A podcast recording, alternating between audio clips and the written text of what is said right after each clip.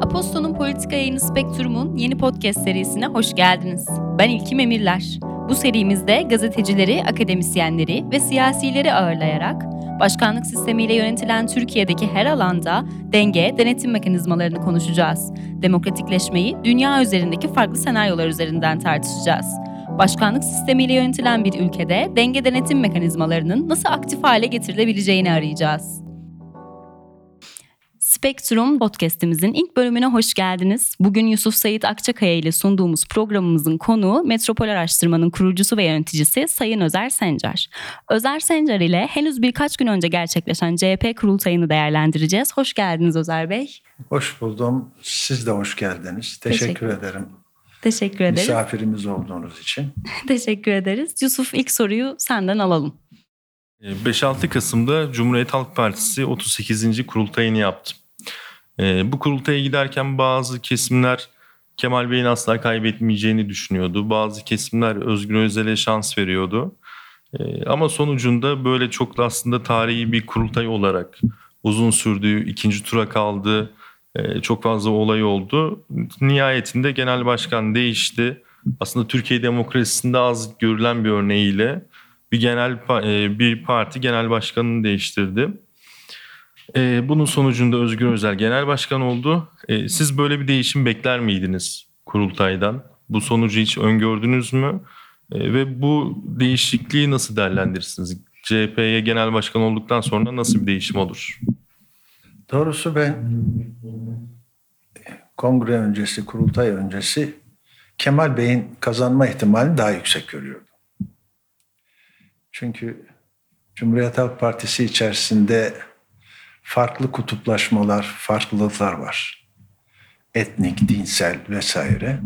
Dolayısıyla bunların etkili olabileceğini, Kemal Bey'in yanında direkt olarak yer alacak bir kitlenin var olduğunu biliyoruz ve düşünüyordum. Dolayısıyla seçim sonucu bir miktar benim için sürpriz oldu. Özgür Bey'in kazanması, Kemal Bey'in kaybetmesi benim için sürpriz oldu. Ama iyi bir e, kurultay oldu. Olay yok. Ufak tefek şeyler her zaman olur. Başarılı bir kurultay yaşadı Cumhuriyet Halk Partisi. Dolayısıyla Cumhuriyet Halk Partisi'nin geneli olarak bir kere kutlamak lazım.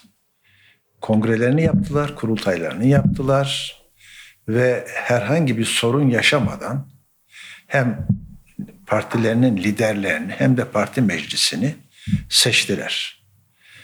Ee, dolayısıyla bu kurultayın amacı istikametinde başarılı bir durumdur. Kutlamak lazım Cumhuriyet Halk Partisi'ni. E, Cumhuriyet Halk Partisi liderini yeniledi, parti meclisini yeniledi.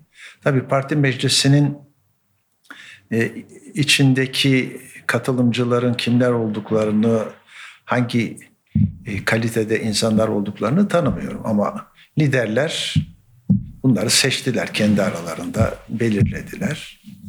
Yetkin gördüklerini koymuşlardır. E, bu kongrenin hem liderler açısından hem parti meclisi açısından e, partiye nasıl bir şekil vereceğini önümüzdeki süreçte göreceğiz. Ama değişim her halükarda iyi bir şeydir. Özellikle e, Kılıçdaroğlu benim rastladığım siyasi parti liderleri içerisinde en kibar, en zarif birisiydi. Birçok defa gidip geldim, görüştüm. Ama Cumhuriyet Halk Partisi gibi 100 yaşında bir partiyi yönetmeye, başarıya taşımaya yeterli bir lider değildi. Daha doğrusu parti genel başkanıydı. Kemal Kılıçdaroğlu bir siyasi lider değildi. Ecevit bir liderdi. İnönü, Atatürk birer liderdi. Deniz Baykal da liderdi. Ama Kılıçdaroğlu parti genel başkanıydı. İyi bir ekip çalışması yaptı. Parti içerisindeki e, işleri iyi götürdü. Ama hiçbir seçimi kazanmadı. 2019'daki yerel seçimdeki kısmi başarısının dışında Kemal Bey'in bir başarısı yok. Yani ben yakından takip eden birisiyim. Ee, sonuçta Kemal Bey delegelerin, seçmenlerin tercihiyle sahneden çekildi.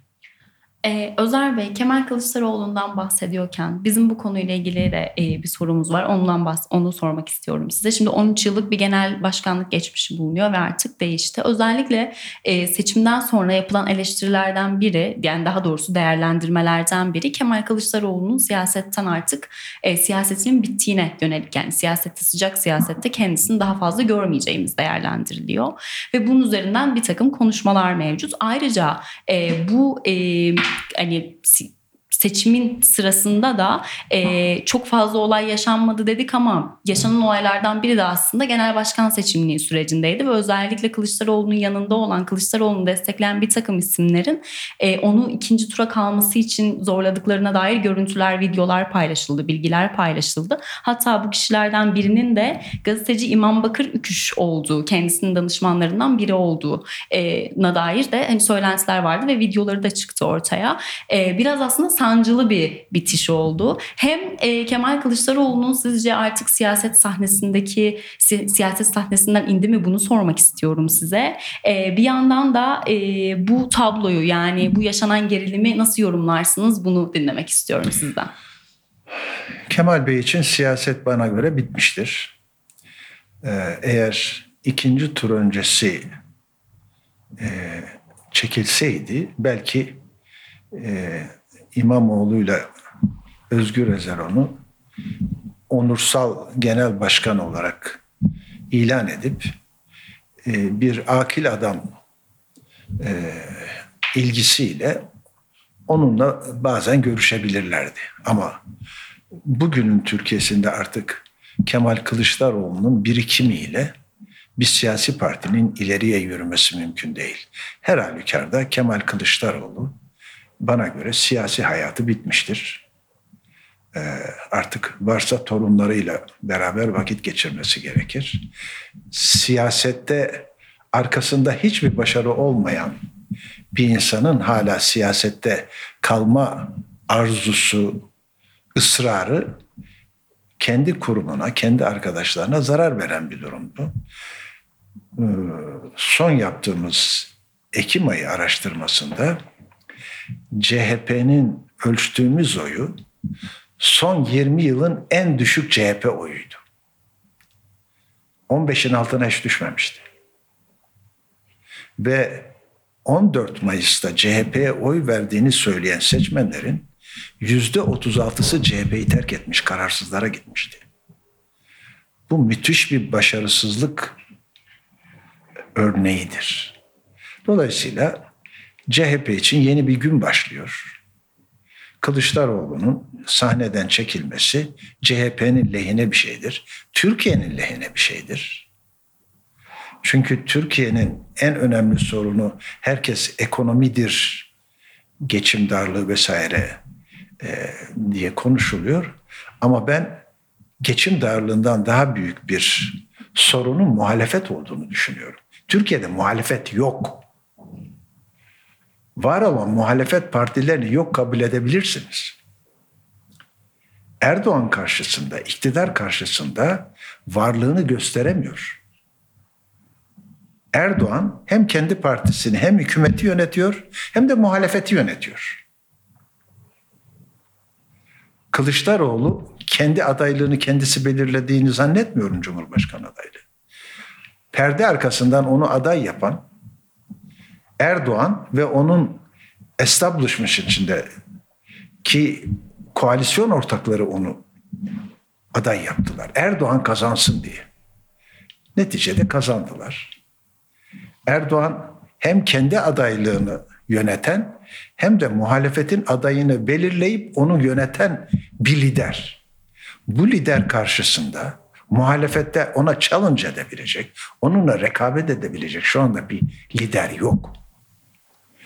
Cumhuriyet Halk Partisi şimdi kolektif bir liderlik gibi oldu. İki tane önemli insanın, başarılı insanın e, birlikteliği ile Cumhuriyet Halk Partisi'ni ileriye doğru taşıyacaklar. Ne kadar başarılı olacaklarını önümüzdeki yerel seçimde göreceğiz.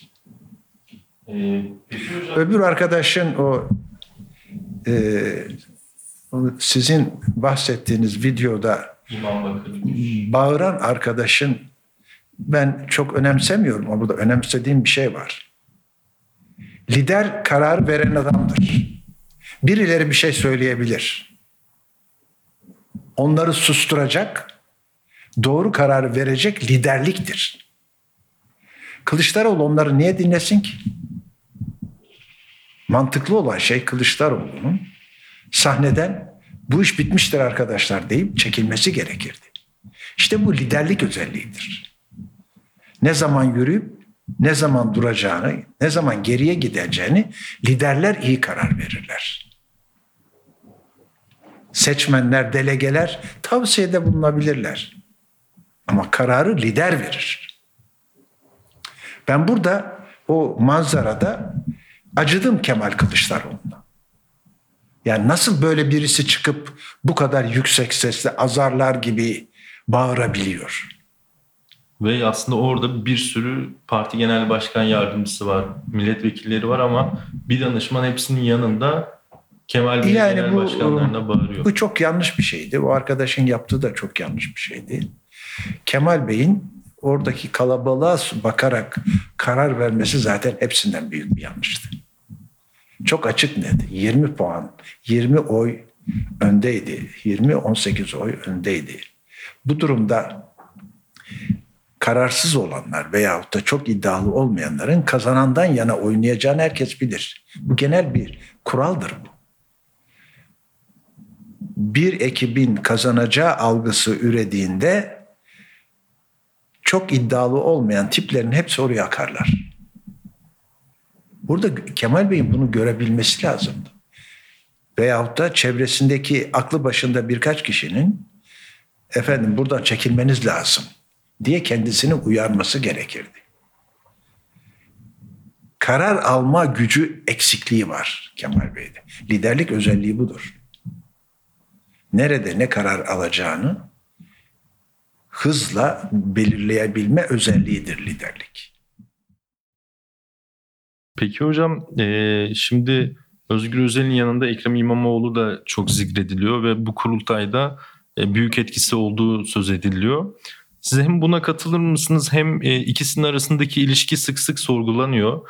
Daha birkaç saat önce ikisi birlikte bir medyaya basın dem, e, basına demeç verdi ve aramızda kardeşlik ilişkisi var dedi. Siz bu iki ismin CHP Genel Başkanı Özgür Özel ve İBB e, Başkanı Ekrem İmamoğlu'nun ilişkisini nasıl yorumluyorsunuz? Bundan sonraki süreçte bu iki ismin arasındaki ilişki nereye evrilebilir? Nasıl bir sonuç doğabilir?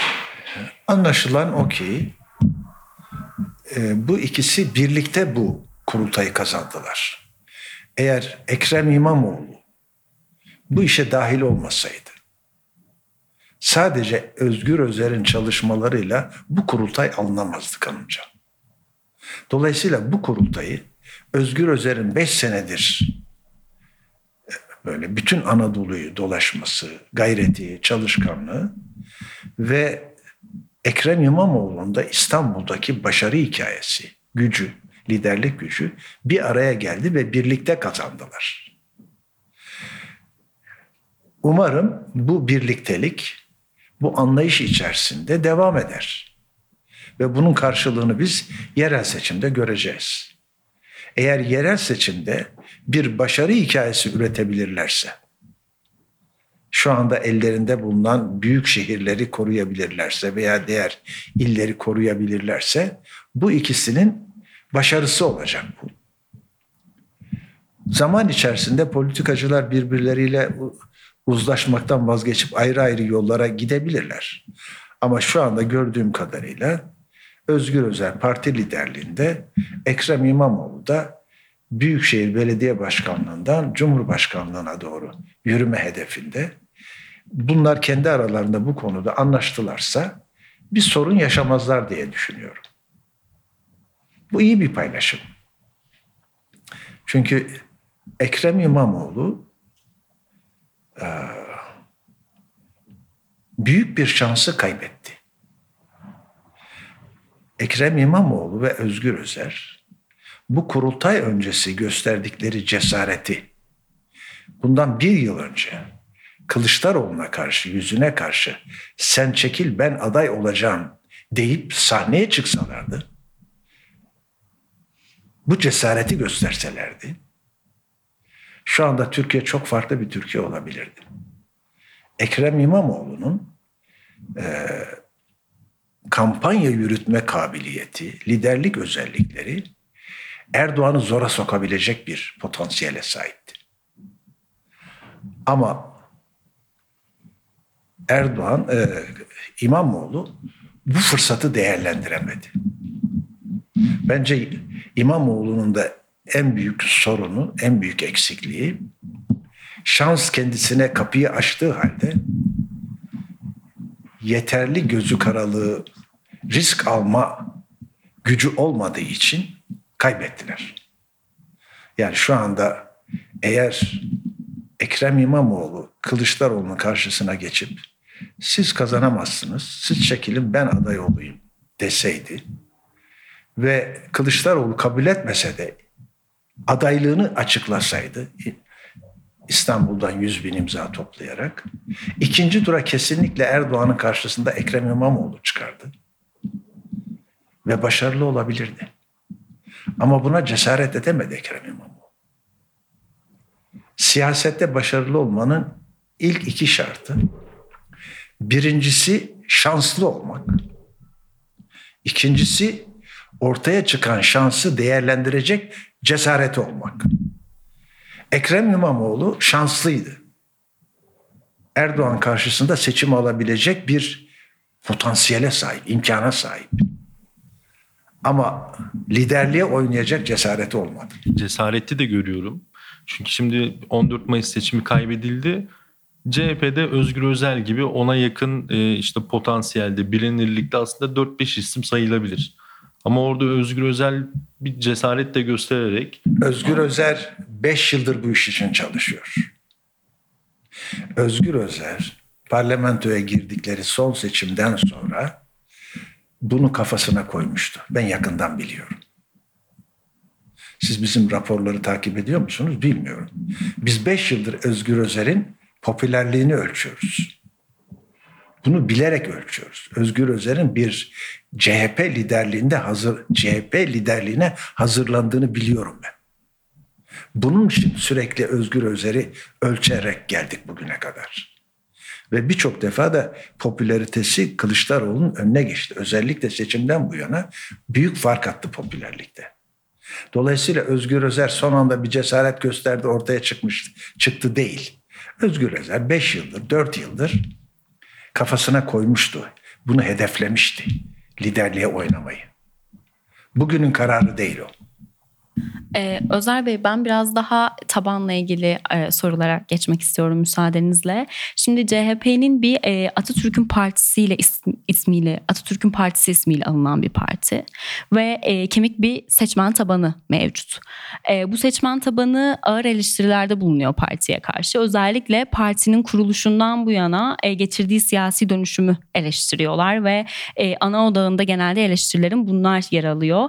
E, peki e, bu eleştirileri baz aldığımızda her seçimde farklı ittifakların kurulması, e, partinin Kılıçdaroğlu liderliğinde farklı yönlere gidiyor olmasıyla değerlendirdiğimizde CHP'nin taban seçmen kitlesinde bir çözülme öngörüyor musunuz? Özellikle yerel seçimlerde e, genel seçimin faturasını görecek miyiz parti tabanında?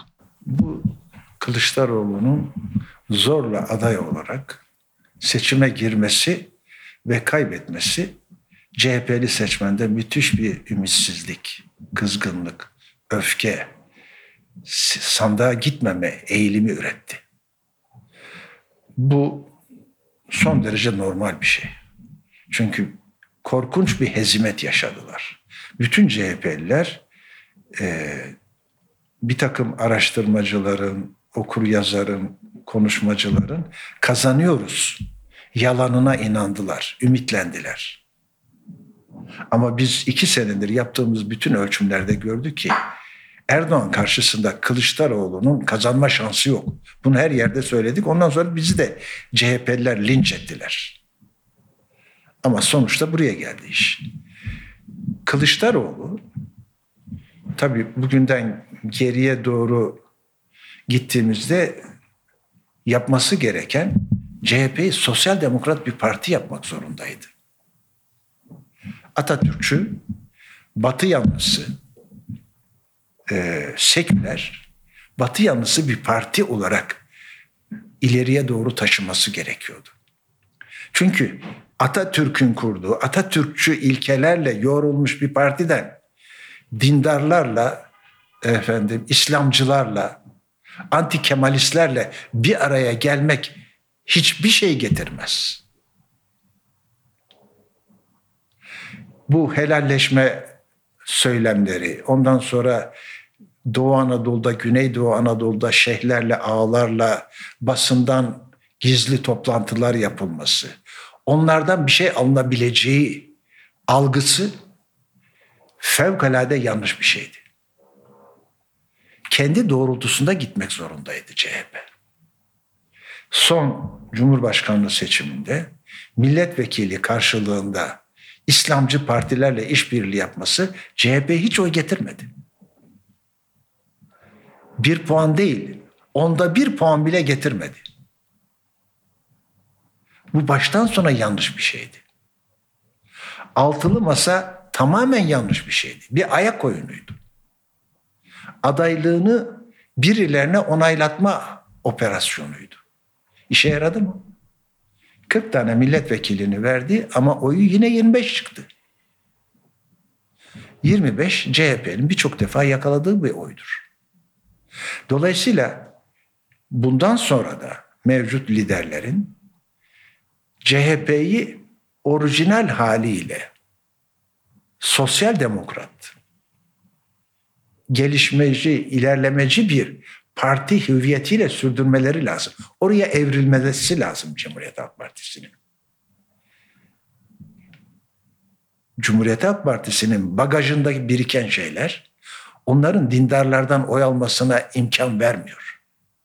Özellikle iktidarın kutuplaşmayı sürekli kullanan politikasıyla dindarların CHP'ye gitme şansı yok. Bırak dindarlar nereye gidiyorsa gitsin. Siz kendi insanınızı, size benzeyen insanları doğru yere çekin. Kılıçdaroğlu bu hatayı yaptı. Ve hiçbir şey elde edemedi. Dolayısıyla bu başka yerlere açılma işi yanlış yerlere açıldı. Belki bir miktar milliyetçilerle ilişki kurulabilirdi. Çünkü Atatürkçülük aynı zamanda milliyetçiliktir. Ama İslamcılarla işbirliği koalisyon yapabilirsiniz, ittifak yapabilirsiniz ama oradan bir şey beklemek son derece yanlıştı. Birçok insan bunu yazdı, söyledi. Biz de söyledik. Ama bir şekilde çaresizce Kılıçdaroğlu ben aday olayım tutkusu Kılıçdaroğlu'nda zemini olmayan bir arzuydu. Erdoğan'ın AK Parti'nin ülke yönetiminde çok başarısız olduğunu hepimiz biliyoruz. Halk da biliyor. Ekonomi iyi yönetiliyor mu diye sorduğumuzda yüzde yetmiş iyi yönetilmiyor diyor. AK Partili seçmenin de yüzde ellisi iyi yönetilmiyor diyor. Türkiye iyiye mi gidiyor, kötüye mi gidiyor diye soruyoruz. İyiye gidiyor diyenler yüzde yirmi beş. Kötüye gidiyor diyenler yüzde altmış, yüzde yetmiş. Dolayısıyla AK Partili seçmen de muhafazakar, milliyetçi seçmen de ülkenin iyi yönetilmediğini biliyor. Bu insanları siz kendinize çekemezsiniz. Bu insanların oyunu alamazsınız. Bu insanların oyunu alabilmeniz için ülkeyi iyi yönetebileceğinizi, ekonomiyi iyi yönetebileceğinizi kanıtlamanız lazım. AK Parti'den şikayetçi olan, onun ekonomi politikasını vesairesini beğenmeyen insanlar şunu düşünüyorlar. Tamam Erdoğan iyi yönetmiyor. Görüyoruz işte enflasyon yüzde yüz şöyle böyle. Peki niye CHP'ye gitmiyorlar? Kılıçdaroğlu'nun arkasına gitmediler. Onda bir ümit görmüyorlar. Ona güvenmiyorlar. CHP'nin göremediği halkın kendilerine güvenmemesidir. Güvenilmediğini anlayamadılar.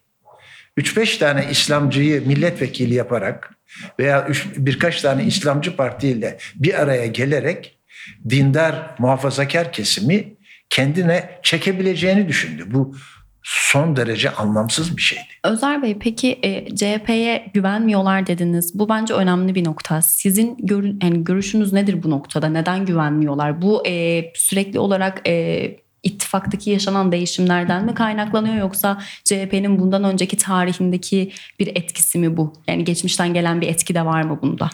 Şimdi sosyolojik olarak bir insanın parti değiştirmesi için oy verme davranışını değiştirmesi kabaca üç safhadan oluşuyor. Birinci safa en son olarak oy verdiği partinin başarısız olduğunu görmesi. Ona karşı kendisinde bir negatif duyguların, hislerin oluşması. Beğenmemesi yani. Eğer bu hal, bu hal dışarıda birisini görürse, bu işleri becerebileceğini düşündüğü birilerini e, beğenirse mesela CHP'li birisi CHP'nin işe yaramadığını görüyor. Dışarıda birisini görürse, beğenirse onu, belki bu yapabilir diye düşünürse, ona yönelik bir sempati üretirse, bu ikinci safhadır oy verme davranışı değişiminde. Üçüncü safa o beğenmeye başladığı kişinin bu işi becerebileceğine inanması lazım. Güven dediğimiz bu. Yani bu adam herhalde ekonomiyi yönetebilir. Güveninin oluşması lazım. CHP şu ana kadar, İyi Parti şu ana kadar böyle bir güveni oluşturamadı. Ve insanlar şunu düşünüyor. Tamam Erdoğan kötü yönetiyor. Ama geçmişte iyi yönettiği dönemler de vardı. Ama bunların yöneteceği falan yok. Diyor ve kapıdan dışarı çıkmıyor. Terk etmiyor partisini. Yoksa onlar oraya sihirlenmiş gibi bağlanmış diye düşünmemek lazım. Eğer görürse dışarıda birilerinin var olduğunu, bir şeyleri becerebileceğini görürse seçmenin önemli bir kısmı hareket edebilir.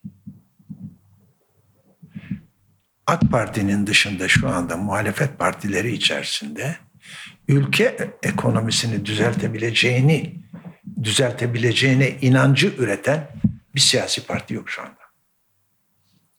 Bundan sonra da CHP'nin başarılı olabilmesi için bu algıyı üretmesi lazım. Bu algı üretilemezse liderin e, Özgür Özel veya e, Ekrem İmamoğlu olması bir şeyi değiştirmez. Ekrem İmamoğlu nasıl kazandı şeyde? İstanbul'da. Becerebileceği kanaatini oluşturdu insanlarda. CHP'nin İstanbul'daki oyu yüzde 27, yüzde 28, yüzde 54 aldı. Yani CHP'nin oyu kadar oyu başka partilerden aldı. Bu insanlar da mevcut İstanbul yönetimini mevcut yöneticilerden daha iyi yönetebileceği algısını üretmeye bağlı bir şey. Ekrem İmamoğlu bunu başardı. Eğer bunu Türkiye'ye taşısaydı bunu da başarabilirdi.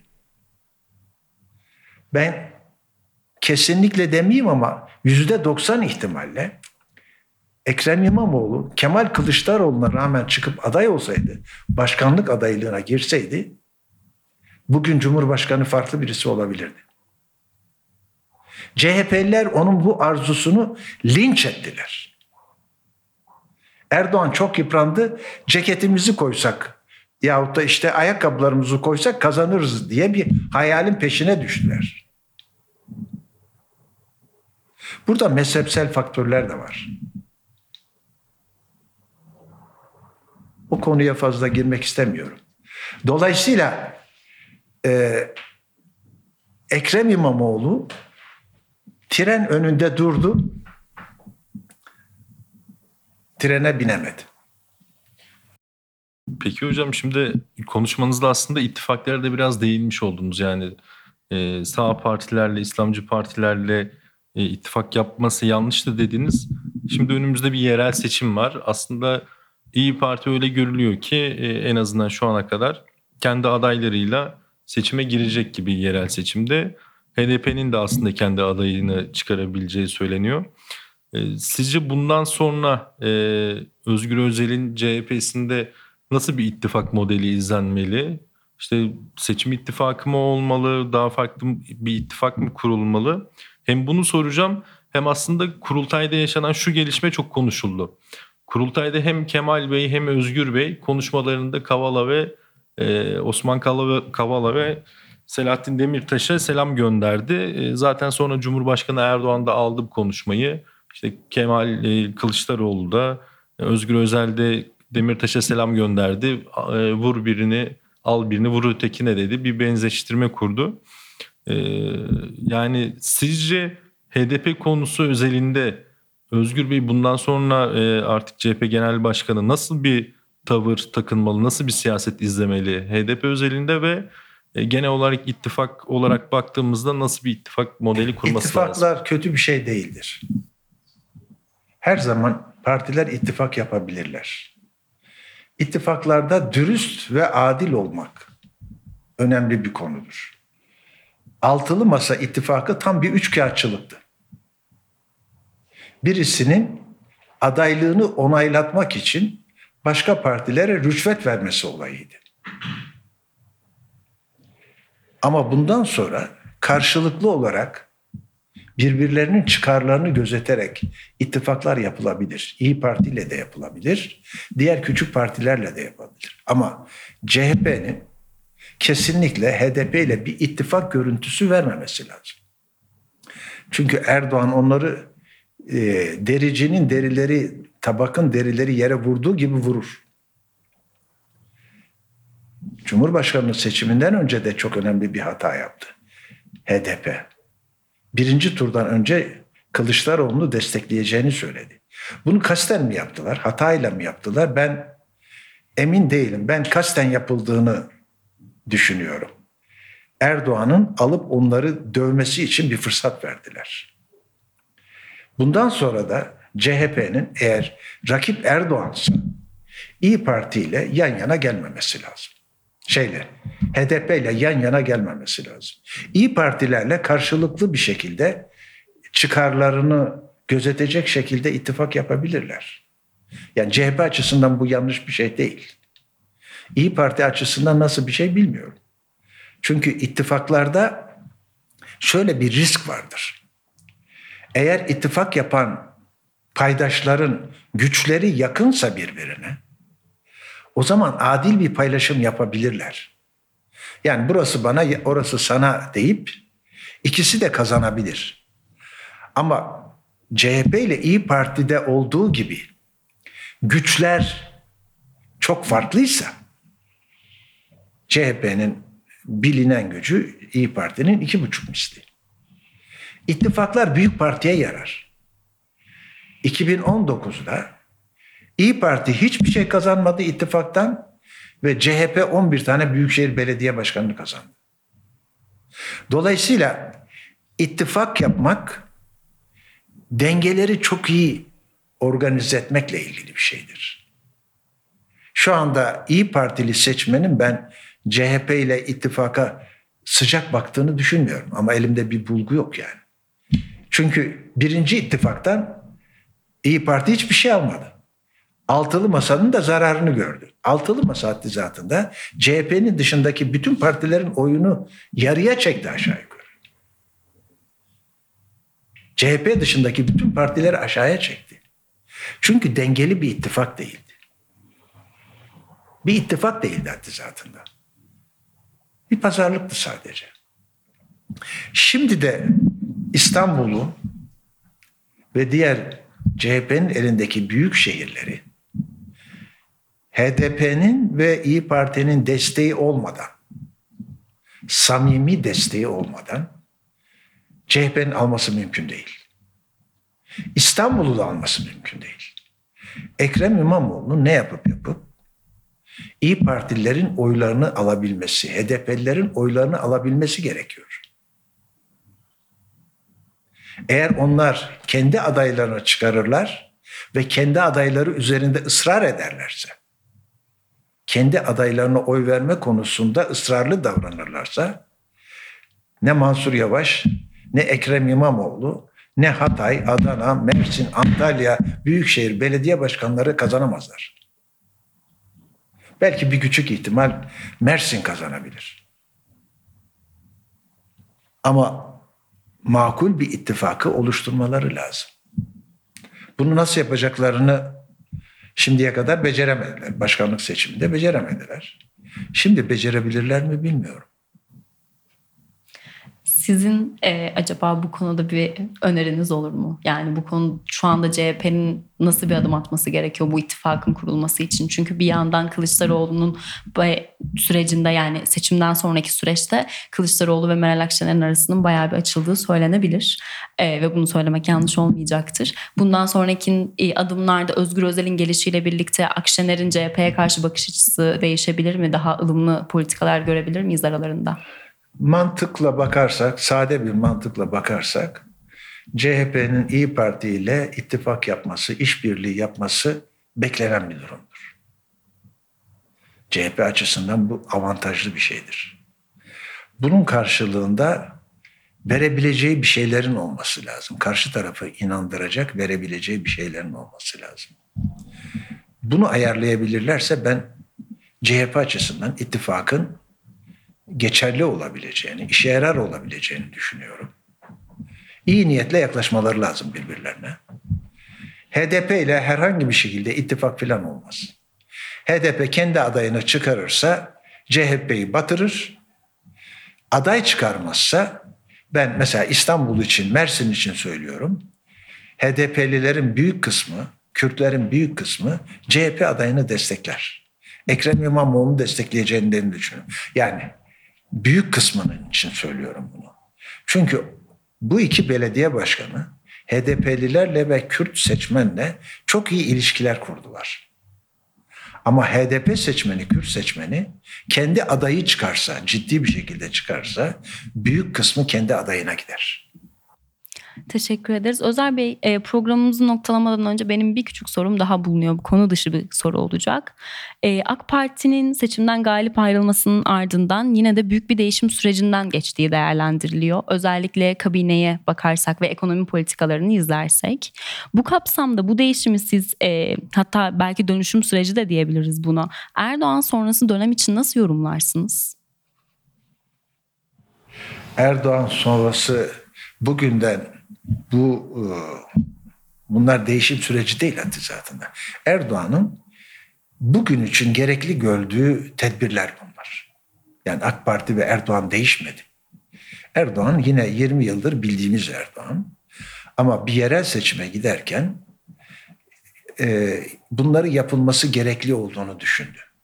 Millet e, bakanları değiştirdi, ekonomi kurmaylarını değiştirdi İçişleri Bakanı'nı değiştirdi. Bunlar e, Erdoğan'ın bugün için yapılması gerekli gördüğü şeyler. Erdoğan sonrasını ben fazla düşünmüyorum. Bu muhalefet oldukça Erdoğan ölünceye kadar Türkiye'de Cumhurbaşkanı olarak kalır. Erdoğan'ın e, bu siyasal zekası, bu cesareti, bu ekip kurma, oyun kurma, gücü ve kabiliyeti şu anda muhalefette yok. Ona challenge edebilecek bir tek İmamoğlu vardı. Maalesef onu da CHP boğdu.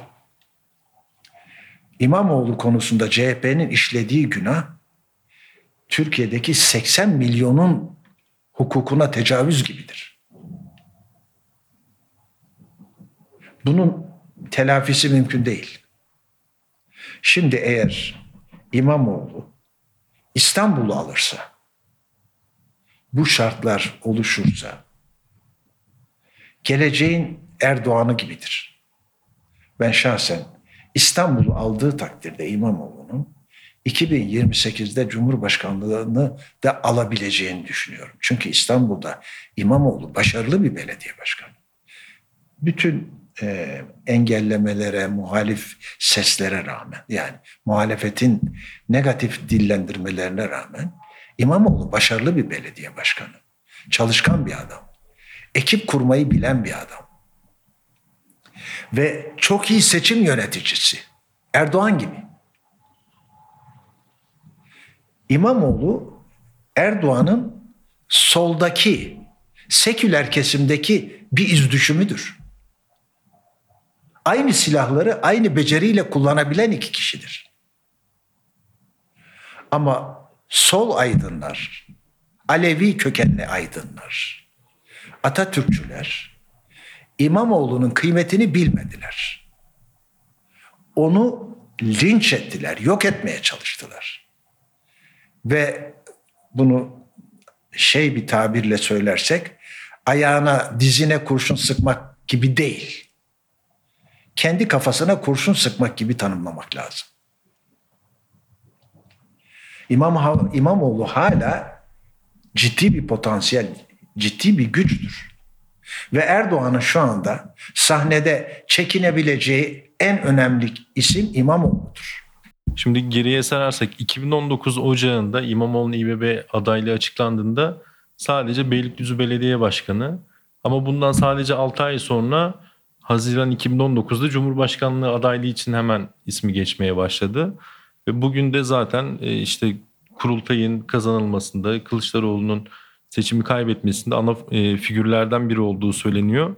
Gerçekten aslında şey çok kısa zamanda bir ilçe belediye başkanlığından Cumhurbaşkanlığı için isminiz geçiyor ve sonucunda 13 yıllık bir genel başkanın değiştirilmesinde büyük etkiniz oluyor. E, bu da şey bence es geçilmemesi gereken bir nokta İmamoğlu için. İmamoğlu size bir şey anlatayım ve kapatalım. 2016'dan itibaren ben Beylikdüzü Belediyesi'ne belediye hizmetleri araştırmaları yapmaya başladım. Her yıl bir araştırma yaptık. 2018'in içinde başlarında yaptığımız üçüncü araştırmamızda şunu gördüm. İmamoğlu potansiyel bir büyük şehir belediye başkanı olabilecek birisi. Üçüncü araştırmamızın sunumu sırasında kendisine şunu söyledim.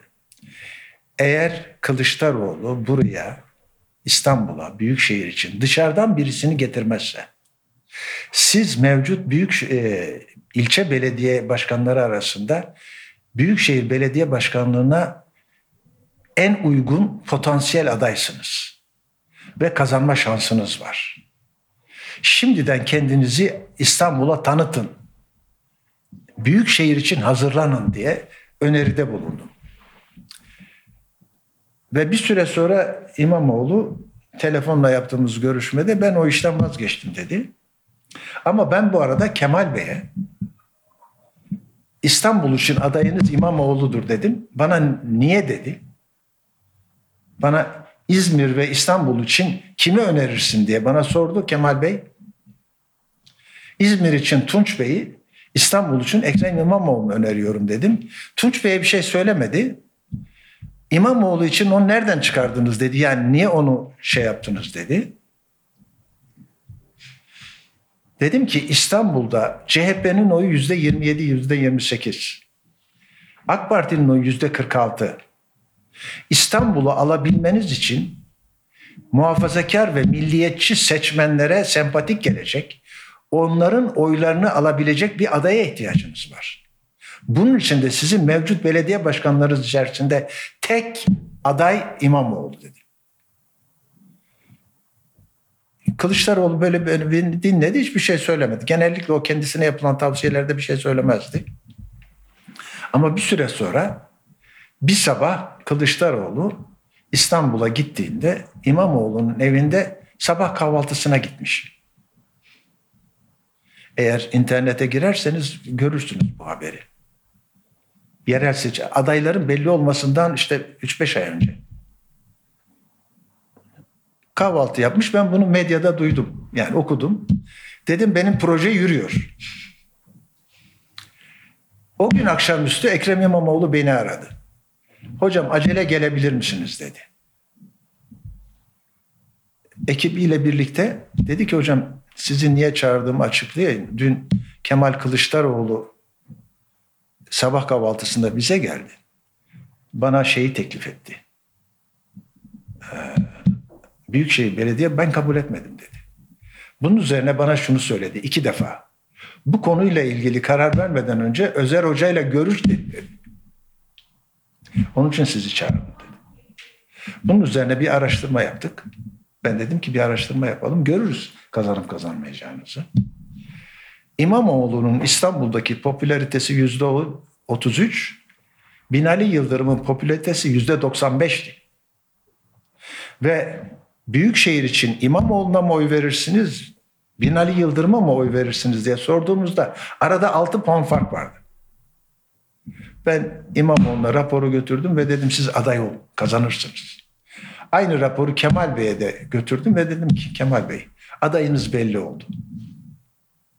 Ben Kemal Bey'e bunu götürdükten bir gün veya iki gün sonra Kemal Bey adayı açıkladı. Bir insanın tanınmaması negatif bir şey değildir. Pozitif bir şeydir. Tanınırlığının az olması insanlar genellikle ya kimse tanımıyor onu derler. Hiç önemli değil. Önemli olan negatif tanınmanın olmaması. Pozitif tanınma hızla artar. İmamoğlu'nun negatif tanınırlığı yoktu orada. Ve 6 ay içerisinde İmamoğlu e, Binali Yıldırım'dan neredeyse 10 puan öne geçti. Bunu ben daha önce medyanın önünde hiç anlatmadım. Teşekkür ederiz. İsterseniz gidip Kemal Bey'i dinlettirip şeye İmamoğlu'na dinlettirip böyle bir şey oldu mu diye sorabilirsiniz. Bizim ilk bölümümüz için çok güzel bir nüans oldu bize de. Teşekkür ederiz. Dediniz ya Kemal Bey teklif götürdü ama kabul etmedi. Orada bekleme süresi mi aldı? Hayır. Kazanamayacağını düşünüyordu. Sö- kendi sözüdür bu. Evdeki bulgurdan olmayalım. Ben ilk ikinci görüşmemizde hocam ben vazgeçtim bu işten dedi. Niye dedim ya dedi işte. Beylikdüzü'nü kaybedeceğiz dedi. Aday olursak Beylikdüzü'nden istifa edecekti. Ben de kendisine kaybetmeyeceksiniz dedim. Büyüğünü alacaksınız, küçüğünü bırakacaksınız. Yani daha önce arkadaşlarıma anlattım bu olayı ama ne e, Ruşen Çakır'a Medyaskop'ta ne de başka televizyon programı Spektrum podcast'imizin ilk bölümünün sonuna geldik. Özer Bey'e programımıza katıldığı için teşekkür, teşekkürlerimizi sunuyoruz. Çok sağ olun hocam. Ben de sizlere teşekkür ederim. Sizlerle tanıştığıma da çok memnun oldum. Bizler. Sizleri tekrar bekleriz. Çok teşekkür ederiz. Bir sonraki bölümde görüşünceye dek hoşçakalın.